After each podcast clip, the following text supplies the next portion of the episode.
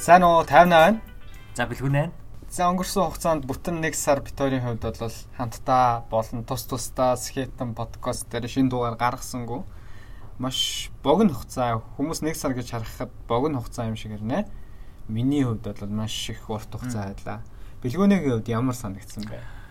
Яа хоёлаа миний хувьд ер нь 2019 оны нөгөө 4 сараас хойш одоо яг хуучин түүхэн хоёул эргээ харах юм бол 2017 оны 11 сараас 2019 оны 4 сар хүртэл Skate podcast 7 хоногт нэг ч дугаар алхасахгүй гарч исэн юм байлээ. Тэгээд 19 оны 4 сараас хойш нэг ер нь бол нэг подкаст заримдаа гарахгүй хоёулаад нэг тийм нэг сарын хугацаа ч гэдэг юм уу байх хугацаанд ер нь нэг бис нэг бус удаа бол байсан байгаа байхгүй юу. А гэхдээ энэ удаагийн хоёулагийн одоо төр зургийн завсарлага нэг ялгаатай.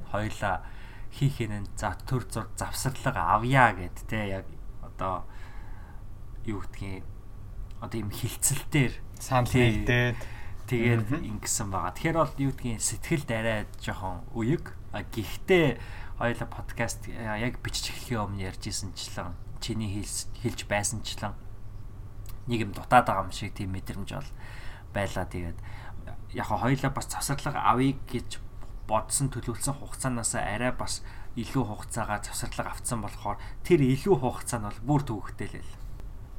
Яг үнэ. Нөгөө өглөө болгон өглөөний цай бид нар ингээд луугаад твсцэн байдаг шиг 2 жилийн хугацаанд шин дугаар гаргадаг, сонсогч нартайгаа ярилцдаг, сонсогч нарынхаа сэтгэлдлийг хүлээдэг болцсон байлаа өөр ирэхгүй. Тэгээд бүтэн нэг сар бол маш олон зүйлийг бодуулсан. Тэгээд хувь хувьдаа бит хоёрын хувьд бас маш олон ажилтаа байсан. Тэгээд өнөөдөр ингээд шин дугаараа гаргах га та бүхэн тэгээд дахиж эргэж уулзч байна. Аа. Тэгээд э, бит хоёрын хувьд энэ подкастыг илүү тийм үнэн байлгахыг маш их хүссэн тий. Тэгээд э, тэр нь юу хэлэх гээд байна гэхээр юу гэдгийг тим аим энэ подкаст бол ерөөсөө маш одоо их бэлтгэлтэй подкаст гэдэг юм. Бид хоёр ингээд подкастыг бичгээсээ өмнө за яг ийм юмны тухай ярина шүү гэд зөвхөн ABC-г л ярина гэсэн тим ABC-г тодорхойлоогүй. Тэрнээс илүүтэйгээр бид хоёр өнөөдрийн энэ подкастын яг гол зорилго нь юу вэ гэхээр Skate подкастыг өнгөрсөн 3 жил орчим хугацаанд бид хоёр хийгээд эндээс юу олж авав, өнгөрсөн ямар замыг туулав. За ер нь одоо бид нар яг ямар цэг дээр байна цаашаага ямар цэг рүү ямар зүг рүү алхах гэж байгаа юм те үүнийга одоо ингэж хамтдаа дүгнээд үн дээрээ ярилцаад хамтдаа яг resolution гаргая гэж үзэж байгаа. Тэгээд энэ нь юу хэлж ийн гэхээр бид нөгөө шинэ ном гарахаар ч юм уу те шинэ оны босгон дээр хуучин оноо дүгнээд за одоо энэ шинэ ондоо бид нар ийм ийм ийм зүйлийг хийнэ гэж өөртөө нөгөө хүн зориг тавьдаг штэ. Тэрнтэй адилхан 58 2-ын хувьд бол яг одоо Skeleton podcast-ийн хувьд бол нэг шин бас хуудсыг эхлүүлэхин цаг үе эхэлж байгаа гэж үзэж байгаа. Тэгэхээр бид хоёрын хувьд энэ завсарлагыг бас яагаад авсан бэ гэдгээ хүмүүс товчхон тайлбарлуул зүгээр ах те тавина. Аа тэгэлгүй яах вэ? Тэрний хувьд болохоор бид хоёрын хамгийн их энэ хугацаанд хоорондоо өдөр болгон ярьсан яг бид хоёр өдөр болгон яриаггүй. Гэхдээ бид хоёрын өдөр ярих болгонд байнга гарч ирсэн сэдв бол rebranding буюу дахин одоо брэнджүүлэх гэдэг үг байсан.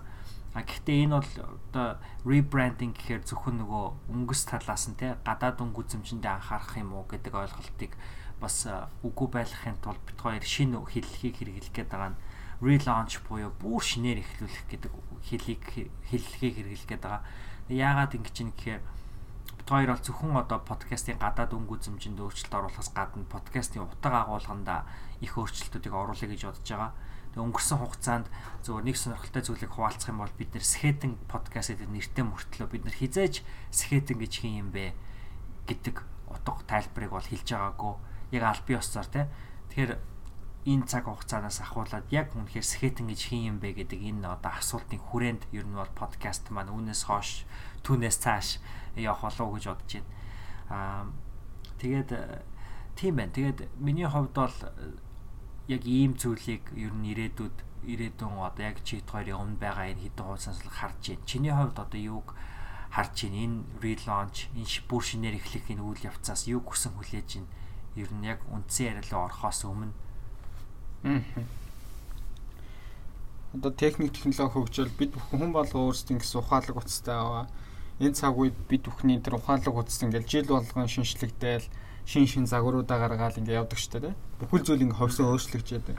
Тэгэхээр энэ хүү ховсон өөрчлөгдөж яадаг энэ цаг үед бит хоёр хамгийн анх бэлгүүнээ 2017 оноос ахуулаад эхлүүлсэн энэ подкаст богино хугацаанд ч гэсэн бит хоёр өнөөдөр 101 дугаарыг гаргацсан байна те. А зарим талаараа энэ бол богино хугацаа гэж нэрлэгдэхгүй байх контент бүтээнэ гэдэг бол 2 жилийн хугацаанд түнхнээс маш их цаг зав үр хэмжээг бол шаарддаг. Тэгэхээр энэ хугацааг эргээд харахад Хоёлаа маш их сэтгэл зүрэх цаг хугацаа энэ зүйл рүүгээ зориулж шингээж энэ түүхийг бол ингэж бүтээж хамтаж хамтдаа чадсан байна гэж найз нь бол хааж. Тэр өнөөдөр бэлгүүнээ битэрийн төрөний хэлж байгаа шиг шинээр бүх зүйлийг ингэж эхлүүлье гэдэг энэ үг нь өөрөө өнгөрсөнд байгаа түүх дээрээ ингээд түүхийн хуудасаа хаагаад шинэ номын хуудсыг эхлүүлж байгаатай бол ялгаагүй.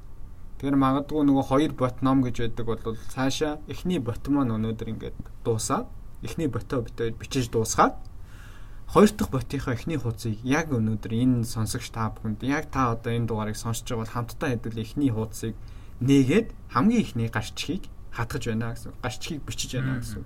Өнөөдөр эхний гарчхийг бичил бичилцэж байгаа сонсогч нартаа маш их баярлалаа. Тэгээ та бүхэнтэй хайртай шүү гэдэг үгээр эхлүүлэхийг хүсэж байна үнэн байхыг бид тэр өнөөдрийн дугаараас маш их хүсэж байгаа. Тэр эхний ботыг хамтдаа бичлэлсэн 2017 оноос хойш хамтдаа байсан тэр сонсогч нартаа маш их баярлалаа.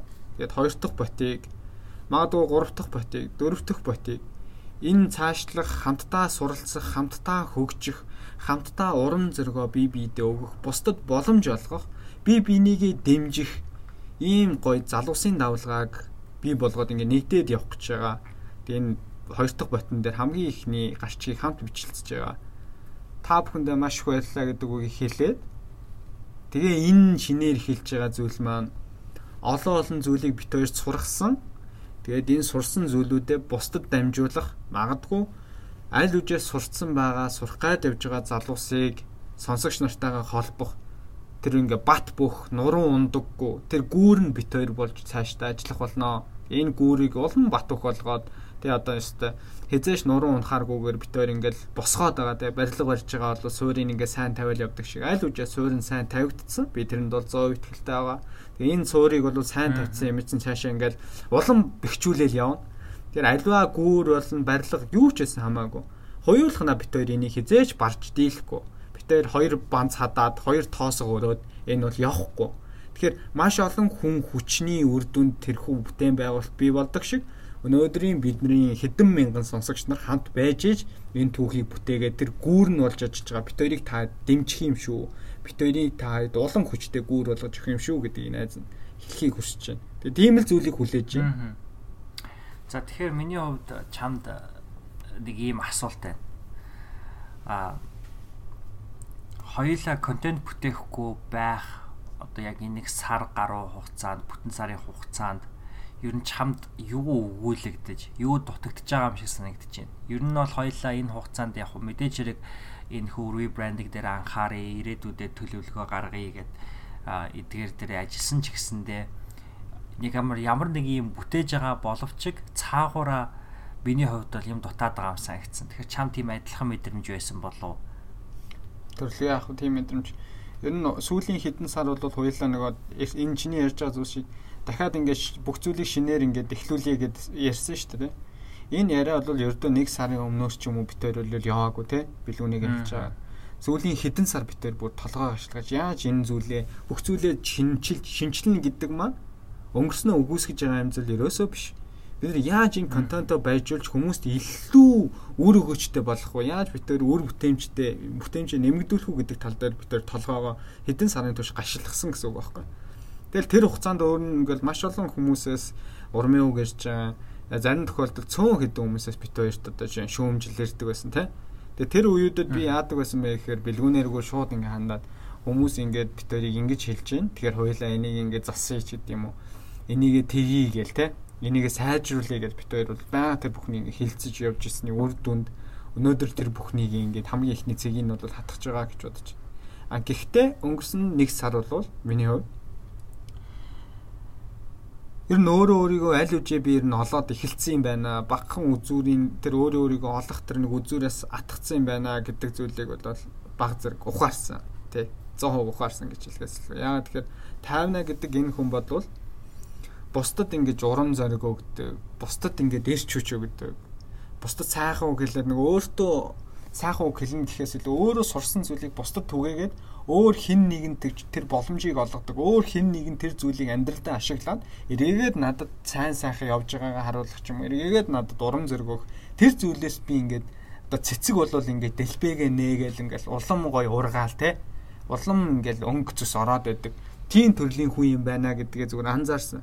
Тэгэхээр Сэхэтэн подкаст 101 дугаарын дунд зарим дугааруудаа би чинь сэтгэл хангалуун бус үед байдаг гэсэн. За би энэ дугаар дээр алдчихлаа да энэ дугаар дээр бол би үнэхээр сайн хийж чадлаа. Энэ дугаар дээр би ямар муу асуултуудтай зочноосоо сайн ажиллагаа авч чадсангүй сэтгэл дундуур уу зөндөө байсан. Тэгвэл нэг сарын энэ хугацаа бол 50 гэдэг хүнийг өөрөө өөрийгөө олоход бол намайг илүү өөр төвшөнд аваачгаад сөөр болж дэмжиж өгч олон зүйлийг би сурсан тийм цаг хугацаа байсан байна. Тэр аль үжээ миний одоо нэг дадал зуршил болоод тогтцсон л зүйл болохоор тэрнээс тэсэг хугацаанд ингээд байхгүй болчихгоо яалч өдөр тутам хийдэг байсан нэг зүйл орон зай гэх юм уу миний өдөр тутмын одоо 7 хоногийн төлөвлөгөөнд ордог байсан тэр зүйл ингээд хоосон санагдчихдаг. Тэгэхээр би үнэхээр сонсогч нартайгаа ингээд харьцдаг тэр хүмүүстэй шин дугаар хийчээд хүн чинь урмын лант юм чинь тэгээд дугаар гарчихсан гот нөгөө сонсогч нарт маань хэр таалагдсан бол гэх хүлээгээд байд юм байна л да. Тэгэхээр нөгөө тийм харилцаа холбоо байхгүй болчихгоод ингээд ганцаарддаг юм уу те найз нөхөдтэйгээ уулзахгүй удаж байгаа нэг сонь санагдаад байдаг шээ. Ерөөсөө л тийм л мэдрэмжийг л авсан. Чиний хувьд ямар мэдрэмжийг аав? Ерөнхийдөө бол адилхан шүү. Тэгээд э, миний би ингээд ер нь сүүлийн үед зөвхөн подкаст хийхгүй байгаасаа гадна одоо юу гэдгийг ямар ч төрлийн контент юу ч одоо оруулахгүй байгаа тийм ерөөсөө Instagram дээр ч юу ч оруулахгүй байгаа. Би сүүлд зөвхөн Instagram-ийн архивыг хэдзээ хамгийн сүүлд стори оруулсан байг харсан чи ер нь ер нь сар гар хугацаар өнгөрцөн байлээ тийм стори сториж оруулаагүй Instagram дээрээ. Тэгээд яг тэгээд ирэхээр нөгөө хүмүүстэй ингээд амьдралынхаа юу болоод байгаа яагаа ийгээд байгаа ерөөсөө хуваалцахгүй. Тэгэхээр нэг тийм бас амар сонирхолтой. Яагаад тэгэхээр ер нь чипт хоёрын аяллаа хамгийн бас нэг гол утга учир нь зүгээр контент бүтээх гэхээсээ илүүтэйгээр бас амьдралаа баримтжуулах амар чухал тал нь штэ тэ. Чит хоёр бол эцсийн эцэст ингээл за нэг амар гоё юм бүтээчээ тэ. Юу гэдгийг ерөөсө хизээж байгаагүй цоошин нэмийг бүтээчээ гэж ерөөсө бодхоос илүүтэйгээр за амьдралын ямар түүхт байна чи хоёрт хүмүүстэй хуваалцах. Аль эсвэл амьдралын ямар түүхтэй хүмүүс байна. За эсвэл чи хоёр яг одоо энэ амьдралын яг одоо амьдарч байгаа амьдралын хэм маяг үүнд одоо бидний орох дадал зуршил те өдөр тутамд хийж байгаа зүйл хийж байгаа сурж байгаа хичээл ажиллаж байгаа ажилч гэдэг юм уу иймэрхүү зүйлс а альсвал бусад одоо гайхалтай амьдралтаа үнэхээр мундаг явж байгаа хүмүүсийн ч гэдэг юм уу залуу хүмүүсийн ч гэдэг юм уу амьдралын зуршил амьдралын хэм маяг юу байна гэл эдгээрийг хуваалцъя гэж хүсдэг. Тэгэхээр л энэ бол нөгөө яг процесс нь бид нар ингээ контент болгож хүргэж байгаа боловч цаагаараа бол зүгээр хүмүүсийн амьдралын яг нэг өдрийг нь нэг цагт нь цаг төлөвлөөд ярилцаа тэгээ ер нь бол тэр амьдралын тэр хэсгийг нөгөө баримтжуулж үлдээж байгаа. Тэгэхээр түнтэй адилхан зүгээр би эргээгээд харахад ийм цаг үеүүдэд харамсах жоохон зүйл байдаг. Тэр нь юу гэхээр сайн баримтжуулж аваагүй үеуд олон байдаг те. Одоо яг одоо ер нь бол 58 мэдж байгаа би бол хүмүүстэй уулзаагүй байгаа. Гэтэ яг одоо миний амьдралын хувьд болон 58-гийн амьдралын хувьд ч гэсэндээ энэ 2020 он гараад бит хоёрын амьдрал ажлын хувьд бол нэлээд том өөрчлөлтүүд бол бий болсон байгаа. Тэгэхээр бол энэ болгоныг нөгөө хүмүүстэй хуваалцаагүй хүмүүстэй а энийга баримтжуулаагүй болохоор бас яана эргээд харахад харамсах үедээ л гэж ер нь жоохон бодогдчихин. Тэгээд аа тий. Гэхдээ харамсахгүй байхын төлөө л өнөөдөр бит хоёр энд ингээд ярилцаа сууж байгаа болохоор одоо бол сэтгэлд үеиг сайхан байна да. Мм яг зөв минь чи бүр үнэхээр дог тодорхойлчлаа. би яг өмнө миний хоол чараагүй өнцгөр чи хараад нэрээ бас тийм байх шүү. Нэг чамаг ярьж хаа санал нийлж. А Skeleton podcast маань өөрөө 2017 оны 11 сард би болсон подкаст ч гэсэндэ яг одоо энэ Skeleton podcast-ийн гол хэсэг болсон таймтай хамт гэдэг яг энэ хэсгийг за мөн ер нь бол энэ подкастын нөгөө тал те зоостын нөгөө тал тайвна бол өөрөө ийм подкаст бүтгэхээс ч өмнө угаасаа контент бүтээгч байсан.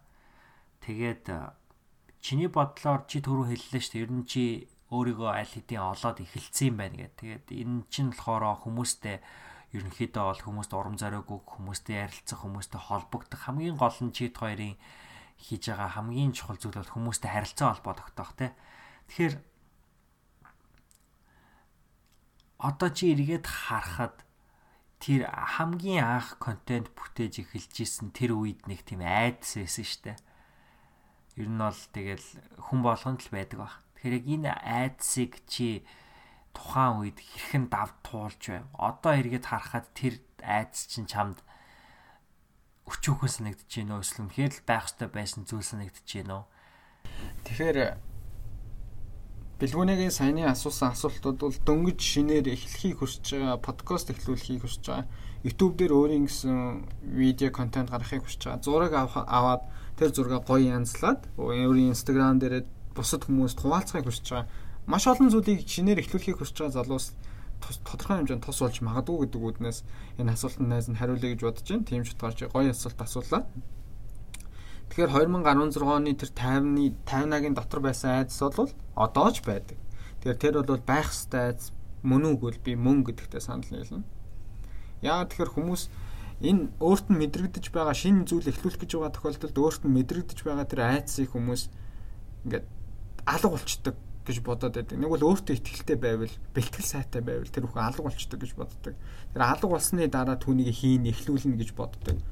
Тэр бол надад бол үгүй баха одоо бид тээр сая дөнгөж сая энэ таны таны сонсож байгаа энэ дугаарыг хийгээд эхлүүлэх гэж байхад хүртэл хоёр маш их сандарлаа дээ. 2 3 удаа оролдож үзчихээж за одоо хоёлаа эхлэе гэдэг.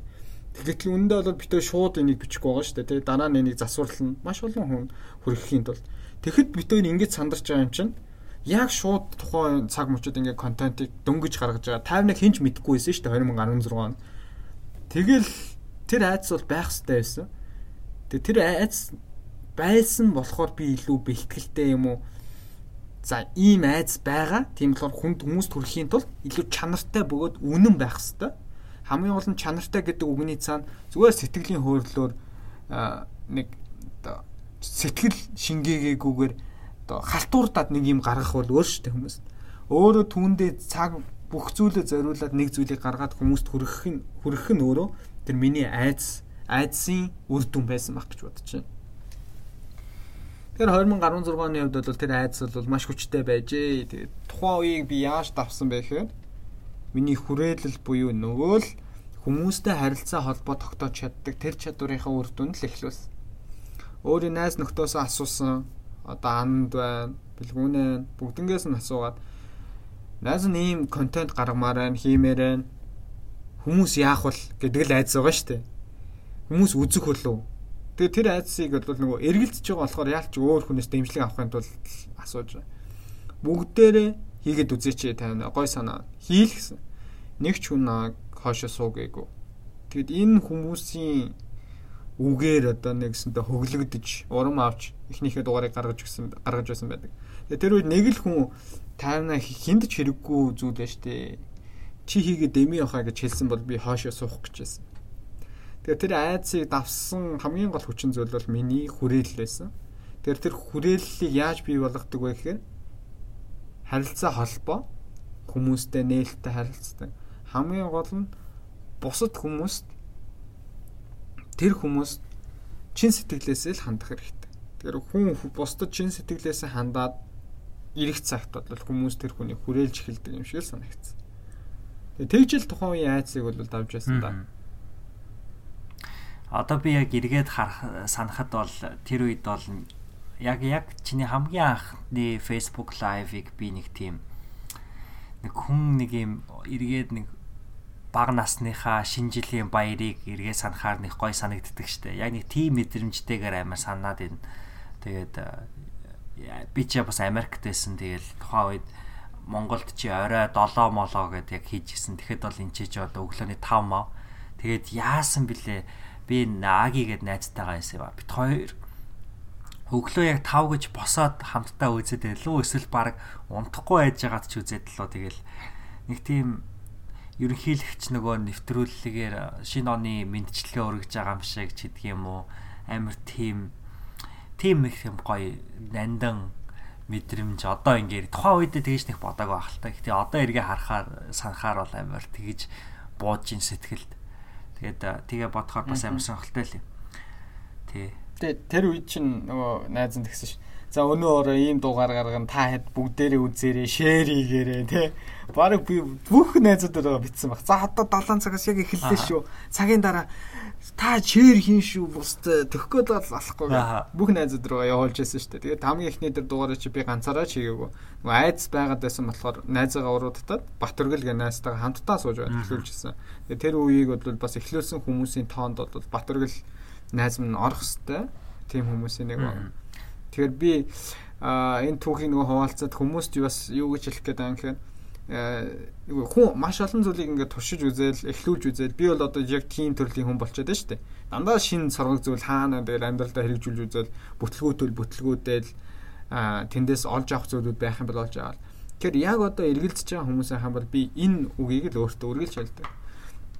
Хизээ хон те болоод бүх тэр боломжит цаг хугацаанд өнгөрсөн хон хийх боломжгүй болсон цаг үед би тэр үед түүнийг л хийх байсан юм да гэж харамсаж суухын оронд хийж үзчихэд бүтлгүүтээд алдаад үзсэн бол яа тэр үед ямар зөрөгтэй байсан юм бэ? Тэрийг хийж үзээ тэг алдсан шүү дээ, тэ. Алдсан юм шиг хэрнээ тэр үед чиний тэр зөрөг гахалтай эргээд тэр тодорхой цаг хугацааны дараа бол үнэхээр үр өгөөж бол өгсөн байдаг. Тэг хүмүүсийг бол хийдэг байж гэж харамсахын оронд шал дэмий хийжээ гэж харамсаасай л гэж би уриалмаар байна. Яг одоо юу хийхийг хүсэж байна? Бүгдийг л хий. Ганц л амьдрын шүү дээ бид нэ. Яг зөв. За найз нь чамаас тэгвэл эргүүлээд асуух уу? За. 2016 он за 55-нд номын хэлцүүлгийг найз нь эхлүүллээ. Хоёулаа бол 2016 он та танилцсан шүү дээ. Энэ одоо сонсогч та хүн ч мэдж байгаа. Бид хоёр өмнөх дугааруудаар хэлтгээс 16 он танилцсан. Хүмүүс харахад 4 жилийн нөхөрлөл юм шиг хэрнээ хоёр бол богино хугацаанд маш тууштай хамтарч ажиллаж байгаа би биенийг дэмжиж байгаа. Хоёр зарим тохиолдолд би биендээ хатуу өгнүүд тэлнэ. Би биетэй бас муудалцах тийм жоохон ширүүн үг шидэлцэг уу зөндөө байна. Энэ үеүүдэд ингээд хоёр тишээ ингээд салаад контент монтанд ингээд би биенийх нөхөрлөгийг ерөөсөө ан цав суул очихгүй шиг ингээд яваад байгаа шүү дээ. Тэгэхээр 16 он танилцсанаас хойш би нэг нэг контент гаргаж эхэлснээс хойш 17 онд миний найз нэмийн 8 гэдэг зүйлийг эхлүүлсэн. Тэгээ тэрнээс өмнө бол чи өөрөө нөгөө Америкт дах оюутан залуучуудын дунд болдог. Надад хэлэх үг байна гэдэг төслийн уралдаанд ороод шилдгээр шалгарч байсан шүү дээ. Тэгээ тэр үед чи өөрийнхөө сэхэтэн төслийг танилцуулж байсан нэг найз нь интернетээр лайваар бол байсан. Тэр цаг үедээ энэ нэмийн 8 буюу энэ сэхэтэн подкастын суурийг чи өөрөө тавьсан хүний хувьд анх эхлүүлж исэн түүхээ хаваалцаач. Ер нь яагаад гинт нэг өдөр тэр нэмэн 8 гэдгийг чи шууд бичээд эхлүүлсэн юм уу? Хаана явж байгаа тийм гой санаа чамд төрөв? Тэгээ хэн чамд чамайг дэмжив? Бас яаж эхлүүлсэн тэр түүхээ хаваалцаач. Өнөөдөр 101 дугаар гаргацсан юм чинь сонсогч бид нар тэр 101 дугаар өдийг хүртэл бүтсэн түүхийг сонсох эрхтэй авах гэж бодож байна. За баярлаа. Гоё асуулт байна одоо би эргээд харахад хоёулаа угаасаа яг бас энэ дугаарыг ямар хүмүүст амар хүрээсээ ямар хүмүүс сонсоосоо ер нь э, яагаасаа гэж хүсэж байгаа вэ гэхээр ерөнхийдөө бол амьдрал нэг юм хоёр ерөнхий нэг том зүйл байгаад тах шиг байна. Ялангуяа өнөөдрийн бидний амьдрал. Нэг бол бид нэр консюм хийх буюу хэрэгэлдэг, хүлээж авдаг, тэ? А нэг бол бид нар create хийх буюу бүтээдэг, гараасаа юм гаргадаг. Тэгэхээр бидэрт энэ бид нар өнөөдөр бүтээх үү эсвэл зүгээр хэрэглээд ямиг ингээд өөртөө аваад ингээд үлдэх үү гэдэг ийм хоёр сонголт бидний цаг тутамд өдөр тутамд байж байдаг. Тэгэхээр Facebook ороод та нэг бол стори хийж, сторигоороо хүмүүс зөвлөгөө өгдөг ч юм уу те. Энэ бол бүтээж байгаа. Аль эсвэл та бусад хүний сториг үзэж те ингэж одоо юм ингэж консюм хийх буюу хүлээж авах ийм хоёр сонголт байна. Тэгэхээр энэ хоёр сонголтод сонголт таны өмнө үргэлж байдаг. Тэгэхээр бит хоёрын хувьд бол зөвөр өдөр болгон ер нь сэтгэлгээ цаанаасаа л яагаад гэсэн мэдгүй гэтээ илүү бүтээхийг эрхэмлсээр ирсэн. Тэр ч утгаараа зүгээр бүтээхийг хин хинэн илүү бүтээхийг эрхэмлдэг учраас а энэ дөрвөн жилийн хугацаанд чид хоёр хамтдаа сайн хамтрагч байсан юм болов уу гэж би эргээд харахад бас нэг шалтгаан юм болов уу гэж бодож байна. 16 онд 16 оны 9 сард Америк нэгдсэн улсын Колорадо мужийн Денвер хотод Skeleton podcast биш Skeleton төслийг танилцуулж ирсэн. Тэгээд Skeleton төслийг яг одоо эргээ харах юм бол 2015 оны сүүлд байна уу ер нь биччихсэн санагдчих. Хамгийн анх яг одоо төслийн санааг тэгээд 2016 оны бас ихэнх үед нэг удаа танилцуулсан. 2000 2016 оны хавар буюу 2 3 сард танилцуулсан гэдэг нь болохоор тэр над хэлхүүгээ тэмцээн танилцуулах гад явуулсан шүү дээ. Тэгээд тэмцээг орохгүй эхний шатанда. Тэгээд эхний шатанда тэмцэж хоёрдугаар шатанда орж нөгөө ихтгэл тавьдаг. Тэгээд ихтгэл тавиулаагүй намайг. Тэгээд яг энэ нь одоо эргээ харахад тухайн үедээ бол би айгүй бас л залууч байж те омголон ч байж оор үржсэн аахгүй те би бол тухайн үедээ ер нь тэгэл энэ бол амар гой төслөөс юмсан гэл ингээл амар сэтгэл ундууц байсан. Тэгээд тэр нэг төрлийн надад том ялагдл байсан л да. Тэгээ би угаасаа өөрөө ихтгэл тавих дуртай, хүмүүстэй үзэл бодлоо илэрхийлэх дуртай ийм байтал одоо мэдээч хэрэг Америкт байхад бол хэлээрээ монгол хэлээрээ энд тэнд очиж ихтгэл тавиад байх боломж бол нэрээ баг цорын ганц тэрл штэ би оюутан өний хувьд тэгэхээр бол нэг боломжоо алдчихаар бол амар ундууц байсан. Тэгээд яг хөө тэгээ эргээ харахад тэр нэг хэдэн сарын хугацаа надад эргээ тэр төслөө дахиж нэг сөхөж харах боломжийг өгсөн л дөө. Тэгээд тэгэж эргэж нэг сөхөж хараад 2016 оны 9 сард бид нэр Скетэн төслийг танилцуулахад бол үнэхээр тэр үед тэр Денвер хотод байсан хүмүүс бол тэр төслийг бол үнэхээр гайхалтай хүлээж авсан гэж би боддог. Тэгээ энэ төслийг би хамгийн анх ер нь яагаад бичсэн бэ гэдэг дээр товчхон тайлбарлах юм бол бид нар бол Сэхэтэн гэдэг ойлголтыг зүгээр зөвхөн 20 дугаар зууны ойлголтоор хардаг өнцгөө бид нар хадгалаад 21 дугаар зуунд орцсон. Энэ нь юу хэлээд нь гэхээр Сэхэтэн гэдэг бол одоо ч гэсэн зарим газрын албан байгууллагууд хэрвээ албан байгууллагын одоо human resource-д ажилладаг бол энийг нь болоорой л гэж би бодож байна. Тэр нь юу гэхээр нөгөө нийгмийн гарал угсаа гэдэг те. Тэгээд тэрэн дээр одоо би үгтгийн гурван гарал угсаа бичгэмэ хайшин скетэн ажилчин малчин гэ тэ тэгээд яагаад тэгвэл өнөөдөр ажид олгогч нар энэ асуултыг яагаад одоо хүртэл асуугаад байгаа тэ тэгээд яагаад бид нар скетэн гэдэг ойлголтыг зөвхөн дээд боловсралтай оюуны хөдөлмөр эрхэлдэг хүмүүс гэж ойлгоод байгаа тэгвэл бид нэр 20 дугаар зуунаас өмнө бид нэр социалист коммунист улс байхаас өмнө бид нар скетэн байгаагүй мүү гэдэг асуултыг ер нь бол бид нар өөрсдөөс асуух хэрэгтэй байна гэж бодсон. Тэгээд ерөнхийд нэр хамгийн гол утга санаа нь бол их тэрэн дээр л байсан. А тэгээд тэр үед болохоор бид нар скетэн гэж одоо бид нар энэ өмнө нь байсан хүмүүс юм байна. Монголд бол скетэн хэдэн зуунаараа хэдэн мянганаараа магадгүй байсаар ирсэн ийм бүлэг хүмүүс юм байна. Эсвэл магадгүй монголчууд бид угаасаа сэхэлэг арт юм угаасаа бүгдөө. Тэгэхээр одоо зөвхөн сэхэтэн гэхээр нийгмийнх нь нэг хэсэг нь байдаг. Тэр хүмүүс нь ингээд одоо мундаг элит класс гэж явдаг те энийгээ ерөөсө болио гэдэг утгаараа бүр албаар тэхээс тэгж байгаа юм шиг гэдэг шиг скетэн гэж одоо тэр төслөө нэрлэж ийсэн. Тэгээд тухайн үед бол тэр төслийг бид нэр тэгэл тухайн үеийнхаа байгаа боломжуудаараа л хязгаарлаж харж исэн л да. Одоо юу гэдгийг YouTube дээр бичлэг хийх те энэ энэ мессежийг түгээсэн бичлэг хийх Facebook дээр одоо тухайн үед таймна юмаа хийгээд эхэлсэн байсан учраас бас таймнагийн хүч тэнхэг ашиглаад тий Facebook live хийж идэх юм уу Facebook дээр контент бүтээж идэх юм уу ингээ гих мэтчлэн зүгээр янз бүрийн контент бүтээх бүтээл гэж юу нь бол ярьж ирсэн. Тэгээ тэр үед бол тэгэж одоо хамгийн анх ерөнхийдөө утга санаагаа танилцуулж исэн. Тэгээ 2016 оны 19 сараас биш 19 сар гэдэг 9 сараас хойш 11 тэр 2018 он хүртэл бол үнэхээр яг скетинг гэдэг төслийг эргүүлж ер нь бол аим уруулаагүй штэ. Ер нь бол тэгэл чимээгүй байсан хгүй. А гэхдээ тэр үед бол тэр хооронд бол нөгөө миний хийж байгаа контентуудын утга санааны агуулгын ард тэр маань одоо нөгөө суур фундамент болоод явцсан. Тэгэл тэр одоо хамгийн анх Ямин 8 гэдэг блогийг бол 2017 оны 100 биччихсэн. Тэгээ 2017 оны 100 болохоор за би нөгөө өөрөө амьдралын хэм маягтай. Тэгээ амьдралын хэм маяг гэдэг чинь ер нь өөрөө амьдралын түүх болт юм байна. Нэг өдрүүд нийлж нөгөө 7 хоног болдог те. Энэ 7 хоногуд нийлээд сар сарууд нь жил жилүүд нь бидний энэ он жил амьдрал Тэгэхээр зэрэг өнөөдөр зүгээр бэлгүүнэ гэдэг хүний энэ 7 хоногийн амьдралын онцлог 8 зүйл нь юу байв гэдгийг хуваалцахыг хүссэн. Тэгээд Нямин 8 гэдэг энэ нэрийг хамгийн анх бас санаа авч исэн зүйл нь болохоор Tim Ferriss-ийн Friday Five Bullet Friday гэж нэг тийм имэйл байдаг хгүй. Тэгээд тэр нөгөө Five Bullet Friday гэдэг гоё rhyme хийгээд байгааз. Тэгээд би ч өстой ям гаргийн бүхэл 7 хоногуудыг нь үтсэн баха нэрээ.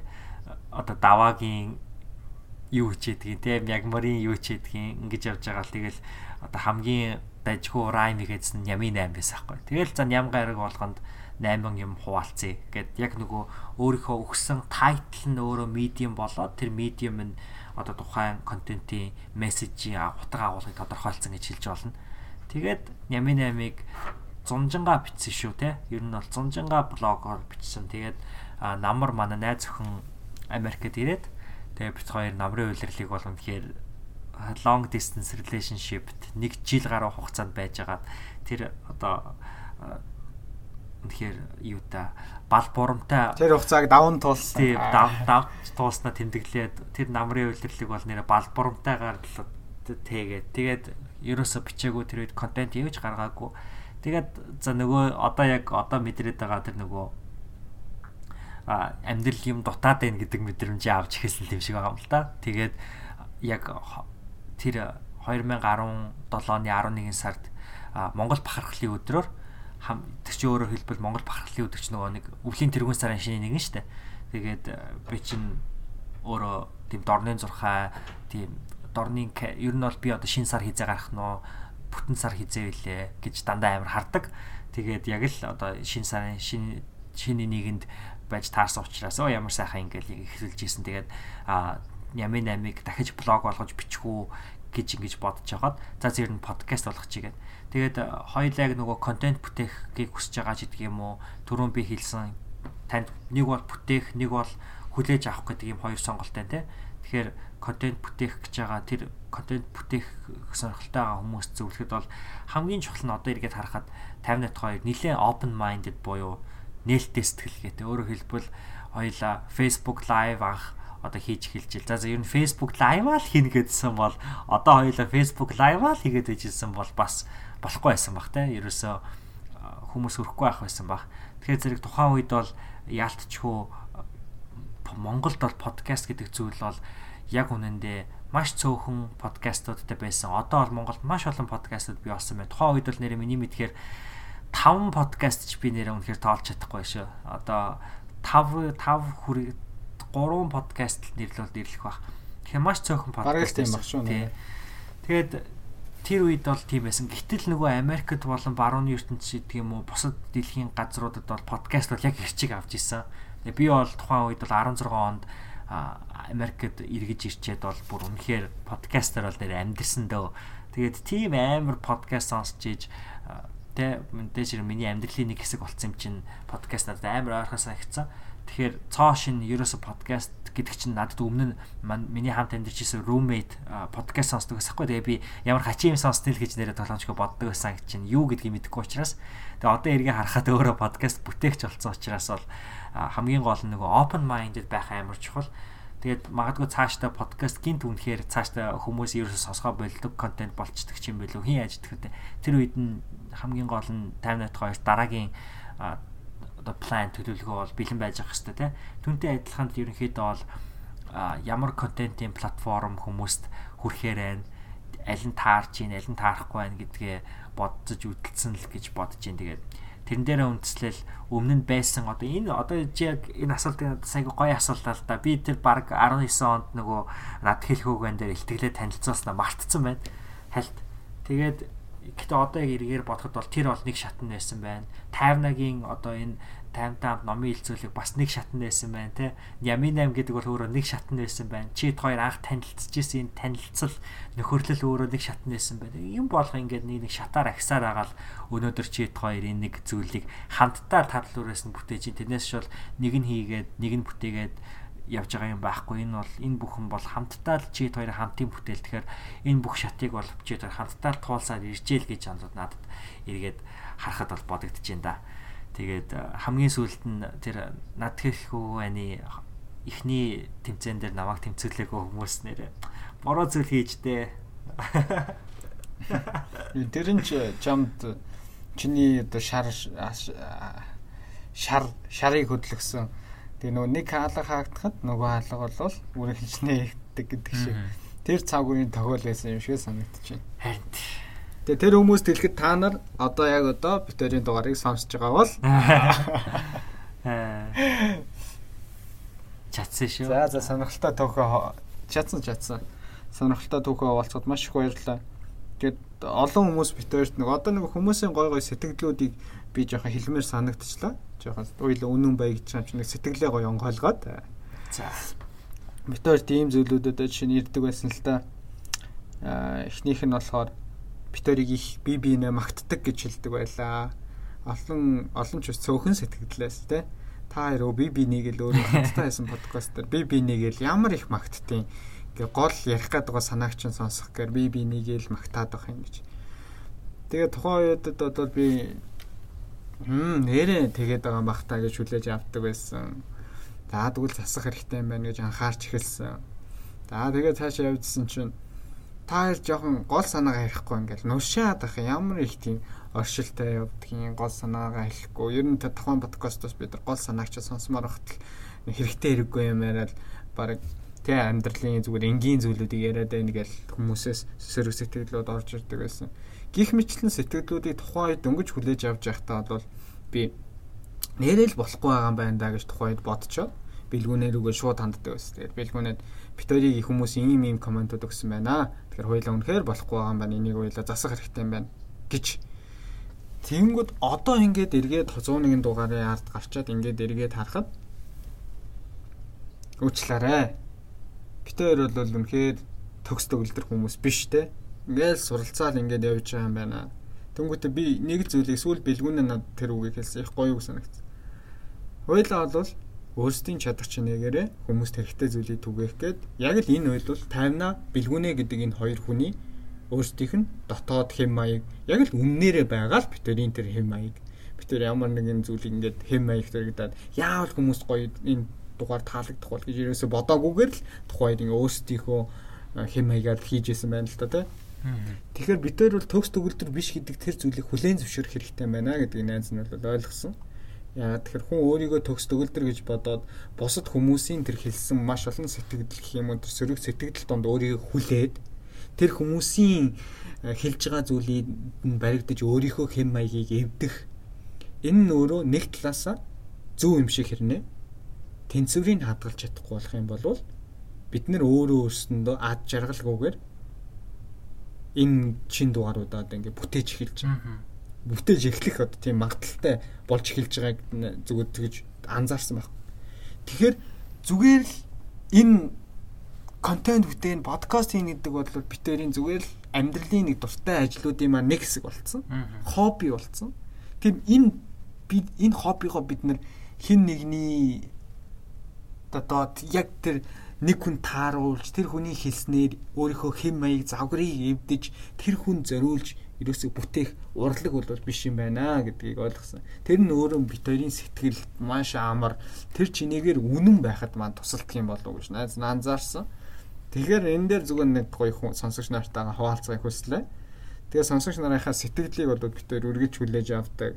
Та хэдийг бол үүгээр дамжуулаад сөрөг сэтгэл битээ хэлээрэй гэж юм бол ерөөсөө биш үү. Яг энэ гол мессеж бол амьдралд яг л төрүүчийн бэлгүүнээгээ асуусан шиг ямар нэгэн зүйл хийх жаал хамгийн том айц нь юу байдаг вэ гэвэл яг л бид нар хэлж штэ. Бусад хүмүүс юу гэж бодох вэ гэдэг айц. Тэр трийгээ зүгээр л март. Зүгээр л өөртөө ад жаргалтайгаар тэр бүгдийг л хий. Яг л тэр хүмүүсийн тэр тэр нэг бусад хүмүүс яаж бодох вэ гэдэг бодолтол хүлэгдсэн цагт бид нар сэтгэлийн хувьд тавгүй болдог. Тэр зүйлээ сайхан хийж чаддгүй. Эргээ түүнээсээ ад жаргалыг мэдэрч чадгаа болчдөг. Тэгээд би тийм л санаа хэлэх гээд энэ сая хүмүүсийн сэтгэлдэлтэй холбоотой зүйлийг найз нь хүндсэн шүү. Чи энэ дээр бас юу гэж боддөг? Одоо нэгэн сайхан ам нээж байгаа гэх шинээр хуйлаа дараагийнхаа ботоо өнөөдөр эхэлж байгаа гэх сонсогч нартай хандаж тэр шүүмжлэгч нарт хандаж нэг сайхан сэтгэлээ онгоод 101 дугаарын араас нэг өөх хэлээч. Гэтэ хоёлаа ер нь бол гайгүй. Юу гэдгийг хүмүүс нэг би би бас сүулт нэг юм подкаст сонсч байсан аахгүй. Тэгсэн чинь хүмүүс анх эхэлж байхад хүмүүс рүү их шөмжл ирдэг юм л дээ. Одоо юу гэдгийг юу хон сони юм хийгээд байгаа нэ. Чи юус ярьж чадахгүй юм биш үү? Ягаад подкаст хийгээд байгаа ч гэх юм нөө. Яг яг нөгөө эхэлж байгаа хүмүүст маш их шөмжл ирдэг гэх. Эргээ харахад чи хоёрт яг эхэлж байх үед бол харьцангуй гайгүй байсан гэж миний хувьд. Таймнаа ч гэсэн дөрөв хэлсэн а 50 номын хэлцээлийг хийж яхад бол эхэлж явах үед нь бол нэг ч хүн битгий хий гэж хэлээгүү те. Тэгэхээр эхэлж байх үеийн эхлэл гэдэг бол өөрөө маш чухал. Тэгэхээр тэр талаар бол бид хоёр азтай байсан гэж бодож байна. Аа гэхдээ контент бүтээгээд цаашдаа явах гэж байгаа хүмүүст бол шүүмжлэл бол шүүмжлэл санал сэтгэгдэл бол байнга орж ирнэ. Тэгээд нөгөө англи хэлэнд чинь энийг нөгөө feedback гэж хэлээд байдаг те.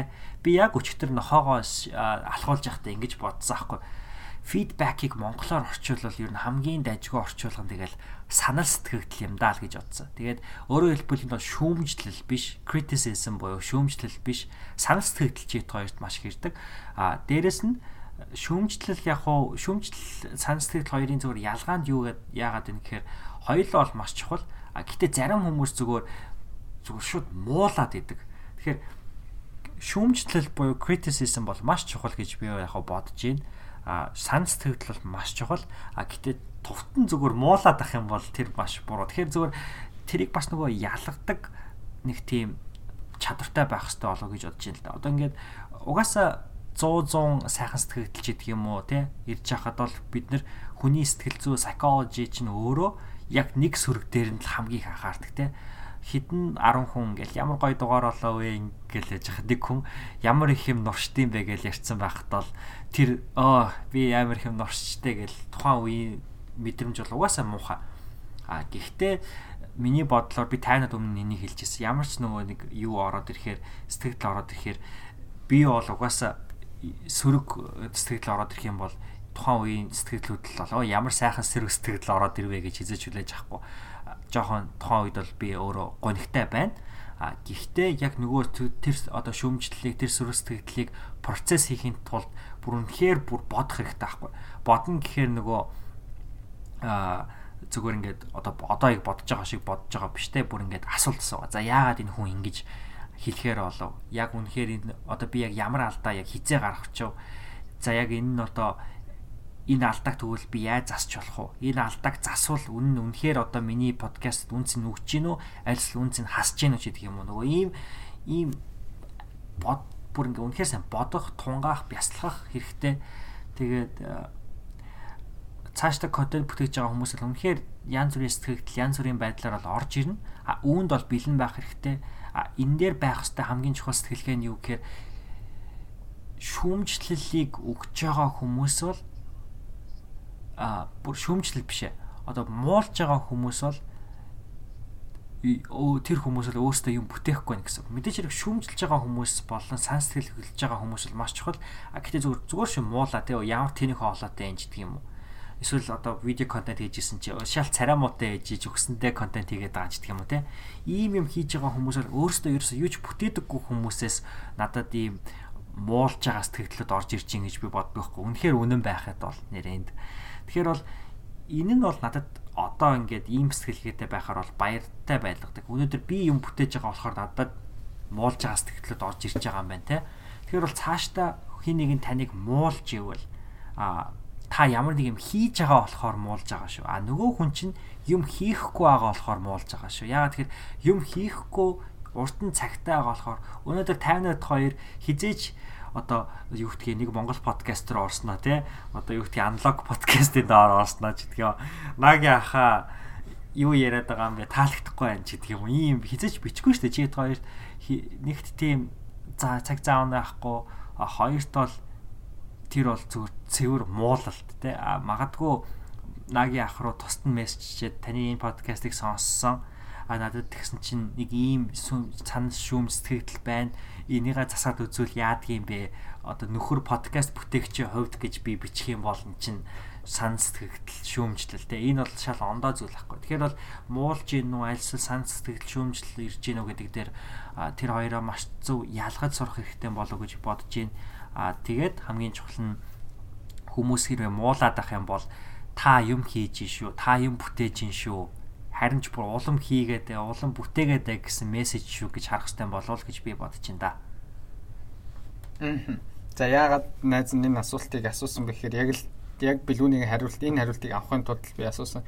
Би нөгөө битээр нөгөө би нөгөө гомдол хүмүүсээс тийм сэтгэл ирж чад гомдолж байгаа да тэгж ерөөсөө энэ асуултыг асуугаагүй. Ямар нэгэн зүйлийг аль үжи эхлүүлсэн.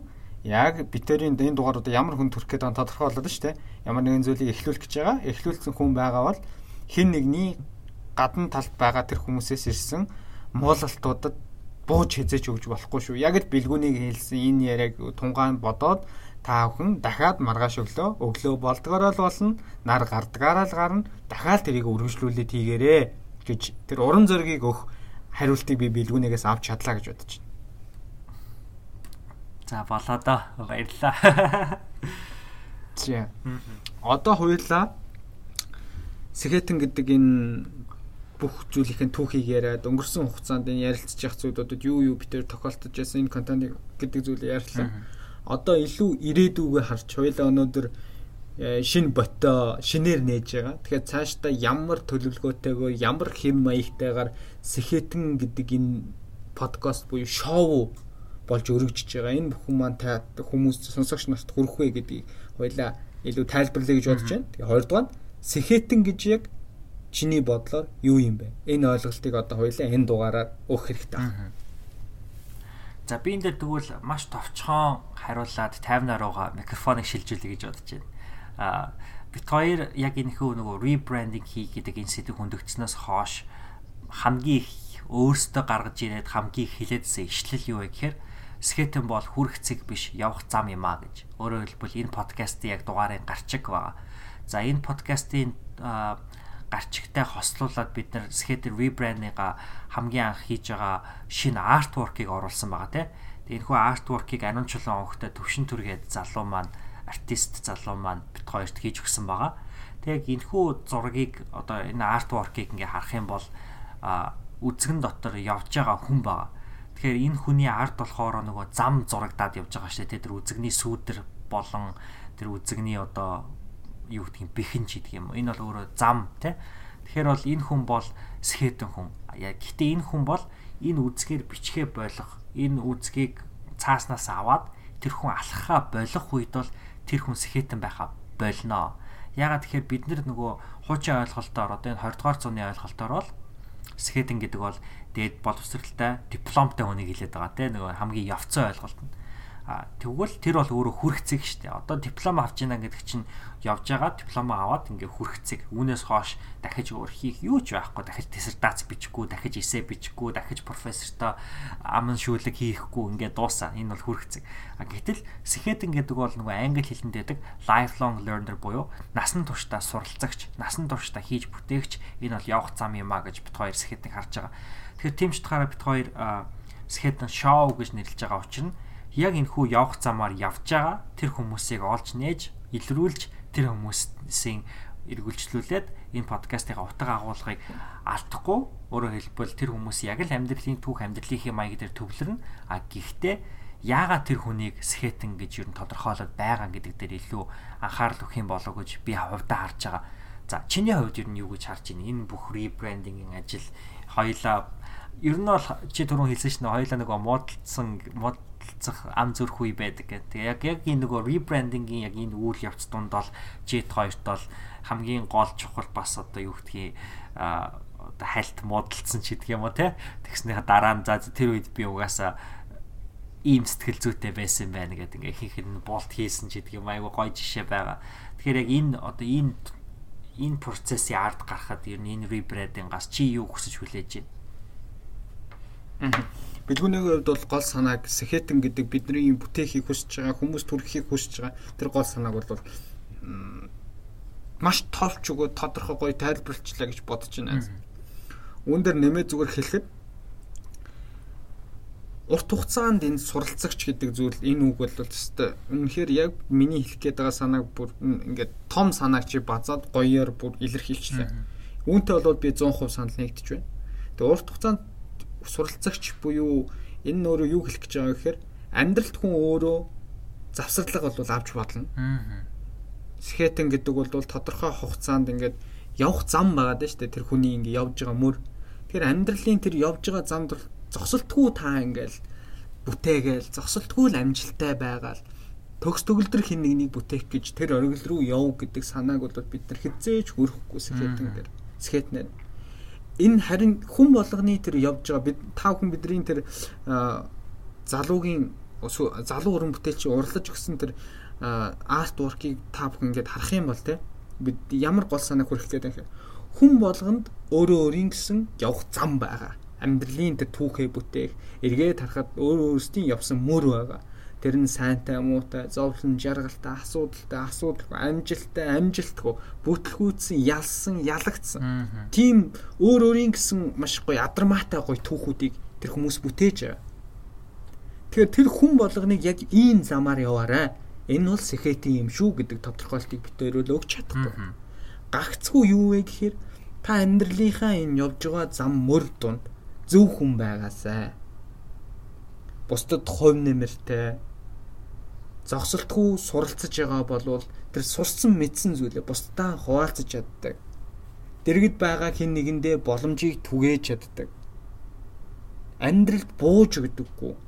Зовлон, бэрхшээл, хатуу гуниг ганцаардал хагцал амьдрал тохиолжуулах юу ч байсан шүдэн зугаад тэр тэрхүү хүндгцүү үеүүдийг хөнгөн шиг давн туулаад үргэлжлүүлээ тэр өөрийнхөө аян замыг үргэлжлүүлээсэ тэр л өөрөө өөрийнхөө гэсэн тэр хүнд хэцүү зам зам бартааг та өөрөө бүтээж чадсан трийгээ гагцгүй зөвөөр бүтээж чадсан.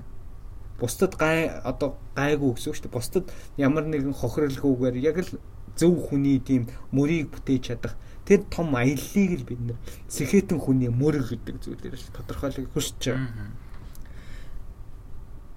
Тэгэхээр энэ том аялал донд бол төр зогсолтууд байна, завсралгууд байна. Заримдаа та амарч болно. Заримдаа бид нар ухарчиж болно ш бэлгүнэ тий. Уналт үсээд тэр зам донд байнга өксөд явахгүй. Заримдаа уруудж болно. Гэхдээ л уруудсан ч тодорхой хугацааны дараа тэрийг ялан дийлээд шүд зуугаад даваад дахиад тэр аяллаа үргэлжлүүлээсэ. Энэ л сэхэтэн хүний зам юм шүү гэдэг зүйлийг л найз нь энэ битэрийн гаргасан санаагаараа шинээр эхлүүлж байгаа зүйлээр илэрхийлэхийг хүссэн гэж бодож байна. Цаашдаач энэ утга агуулгыг бит хоёр илүү өргөн хүрээнд хүрэхийн тулд яг л энэ амьдрал дээр өөр өөрийн гэсэн гоё түүхийг бүтээж байгаа маш олон хүмүүсийг үр жаргалзуулж тэр хүмүүсийн амьдралын алдаа оноо жаргал зовлон бүтлгүүтэл ялалт болгоныг хуваалцаж хүмүүст зөв үлгэр дуурайллыг зөв амьдралыг хүн зөв амьдарч болдгийм байна. Хүн хэцүү амьдралтай байсан ч хүн ядарч зүдэрч байсан ч хүн мөнгөтэй мөнгөгүй байсан ч хүн зөв амьдралаар хүн шиг хүн байж чаддгийм байна гэдэг тэр амьдралын хэмээгийг л илэрхийлэхийг хүснэ тэрнийг тэр тэрийг ч утга агуулгаараа гаргана. Дээрээс нь хүн хүнийг маш олон хүмүүсийг зочноор оролцуулах гадна бит хоёрын хувьд номын хилцүүлгээ үргэлжлүүлнэ. Аа. Номын хилцүүлэг бол маш олон хүмүүсийн ингээд тэр бүхэл бүтэн амьдралын гоё тэр түүх одоо юу хийм мэдлэг сургаалуудыг ингээ бацсан тийм нэг гайхалтай бүтээл байгаа шүү дээ ном гэдэг бол. Тэгэхээр тэр болгоноо үргэлжлүүлнэ дээрэс нь танин мэдгүй дугааруудаа үргэлжлүүлнэ таныг энэ том аялал замд явж явах хугацаанд сүүл үеийн мэдлэг мэдээлэл хангах үргийг бит хоёр бол гүйцэтгсээр байх болно. Тэр энэ энэ дугааруудаа бол цааш нь та бүхэнд хүргэж явуулдгаараа явуулнаа гэдэг санааг л найз нь илэрхийлэх хүсэж илэрхийлэхийг хүсэж байна. Тэгээ өнгөрсөн 1 сарын хугацаа бол бит хоёрын хувьд бол завсарлага байсан гэж хэлэхээс илүүтэй яг л өнөөдрийн энэ 1 цагийн дугаарыг та бүхэнд хүргэх гээд энэ одоо бүхэл бүтэн хэдэн сар ботсон зүйлүүдээ өнөөдөр эцэслээд хамгийн ихний ботоо ингээд гарчгаа өгөөд ингээ шин зүйлийг л эхлүүлж байна да. Тэр л юм байна да л гэж бодчих шүү. Тэгээ 58 маань подкаст хэлээд хэлж ирсэн бид нар нэг бот номыг хаагаад хоёр дахь бот номоо эхлүүлж гин гээд а бит хоёр бол магадгүй за бүх ребрендингийнхаа ажлыг дуусгачаад бүх юмаа бүр 100% те тодорхой олгочоод энийг хийя гэх юм бол хойшлуулаад байвал хойшлуулаад байх байсан баг. Тэгэхээр зэрэг хоёр дахь ботном гэж энэхүү шин номыг нээж байгаа хамгийн гол шалтгаан нь за хүлээгээд байж болохгүй байна. Одоо эхлээд сонсогч нартайгаа холбогдоод энэ хоёр дахь ботны зохиолч нар нь зөвхөн 58 хоёр биш сонсогч нар бүгдөө нийлээд энэ сэхэтэн гэр бүл юм байна гэж тодорхойлсон тодорхойлдог. Тэгэхээр миний бас одоо энэ подкастын ребрендинг дээр хамгийн их бас одоо догдолж байгаа зүйл нь юу гэхээр а надад чинь сонирхол нь байсан сонсогч нарын маань зүгээс ч гэсэн 58 хоёрт ирдэг сэтгэл тэр нь юу гэхээр сонсогч нар маань өөрсдөө энэ хүү сэхэтэн платформ дээр гоо хоолой болохыг хүсдэг байгаа тий. Тэгэхээр зэрэг сонсогч нартайгаа бас контент бүтээх энэ боломжуудыг бид нэр суурийг нь бас тавьсан байгаа гэж бодож байгаа. Тэгэхээр тун удахгүй бид нар бас энэ одоо цаг үе дээр ирээд бид нар сонсогч нартайгаа контент хийн, номын илцүүлгээ үргэлжлүүлнэ, нямын намаач хийн, тань мэдхүүгээж хийн. А тэгтээ хамгийн чухал нь бит хоёр бол маш уян хатан болж байгаа. Өөрөөр хэлбэл номын илцүүлгийг зөвхөн 50-аа хийдэг биш те. Нямын 8-ыг зөвхөн бэлгүүнээ хийдэг биш. Хин хин хийдэг. А гэхдээ хин хинийх нь хамгийн гол анхаарал нь яг энэхүү сэхэтэн шоу буюу сэхэтэн хүнийг олж нээж тодорхойлоод тэр хүнийхээ амьдралын хэм маяг амьдралын түүхээс суралцах гэж бит хоёр ойлгож байгаа. За тэгээд миний хувьд бол энэ нэг цагийн дугаард бол үнэхээр өнгөрсөн 2016 оноос хойш 4 жилийн хугацааг базаад те одоо бүхэл бүтэн 12 жилийн 3 3-ны 1 гэдэг чинь өөрөөр хэлбэл бас л нэг үе штэ. Үе мултарна гэдэг үлээ яадаг үлээ. Тэгэхээр нэг бүхэл бүтэн бас нэг дид үеийг ингээд тодорхойлсон учраас бол сэтгэл сайхан байна. Тэгээд цаашдаа хийх гэж байгаа зүйлүүдтэй үнэхээр догдолтой байна. Тэгээд за за тэгэл тэр нь тийм байна да. Миний хувьд бол энэ хүрээд өөр хэлэх зүйл алга. Тэгээд хамгийн гол нь би сонсогчтойгоо холбогдохыг хүсэж байна. Та бүхэн маань энэ подкастыг сонсоод ер нь цаашдаас хэд подкастэд ямар өөрчлөлт оруулмаар санагч байна те. Яг одоо нөгөө санал сэтгэгдэл, шүүмжлэл яг одоо хамгийн чухал хэрэгтэй бай гэж бодож байна.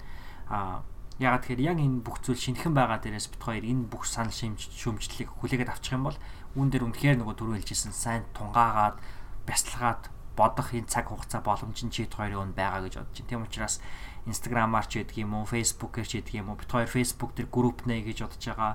YouTube дээр подкастууд оруулах гэж төлөвлөж ажиллаж байгаа. Тэгээд тийм учраас янз бүрийн сувгуудаар хүссэн сувгаараа бидэртэй холбогдоорой гэж хүсэж байна. За тэгээд баярлалаа тавина. Миний хувьд энэ хүрээд өөр хэлэх хөгцөл алга та. За баярлалаа. Тэгээд бэлгүүнийг бүх зүйлийг бол үнэхээр товч өгөө тодорхой гоё хэлж гоё хэлээд байна. Тэгэхээр миний хувьд ингээд яг хэлэхээр ингээд олон зүйл ярих гэдэг. Тэгээд олон зүйл угаасаа ярьж байна. Тэгээд угаасаа ярьдгийг. Тэр хоёр бит хоёр ярьдгийг. Бэлгүүнээ тэгээд бэлгүүнээ угаасаа гоёор илэрхийлчлээ шүү дээ. Энэ шинэ ботны зохиолч нь энэ подкастыг сонсож байгаа та юм аа. Яг та шүү дээ. Тэгэхээр та бүхэн өөрсдийн сэтгэгдэл одоо юу хиймээр вэ те? Заавал сэтгэлдэхгүй та өөрөө яаж ийш хувь нэмэр оруулмаар вэ те? Өөртөө нээлттэй холбогдож болно. Маш олон залуучууд холбогддог. Гэхдээ тэр холбогдож байгаа зүйлүүд нь одоо нэг яг ингээл шууд ингээд бидэд гар нийлээд ингээд ажиллах одоо жишээ нь цаг хугацааны хувьд ингээд орон зайн хувьд ингээд тус тустай байгаа болохоор тэр зүйлийг бас давж гаргах хэрэгтэй авах л та. Яг тэрийг давж гаргах одоо төгсөл байдал нь ханахан бүрдэж чадаагүй л байгаа даа чинь.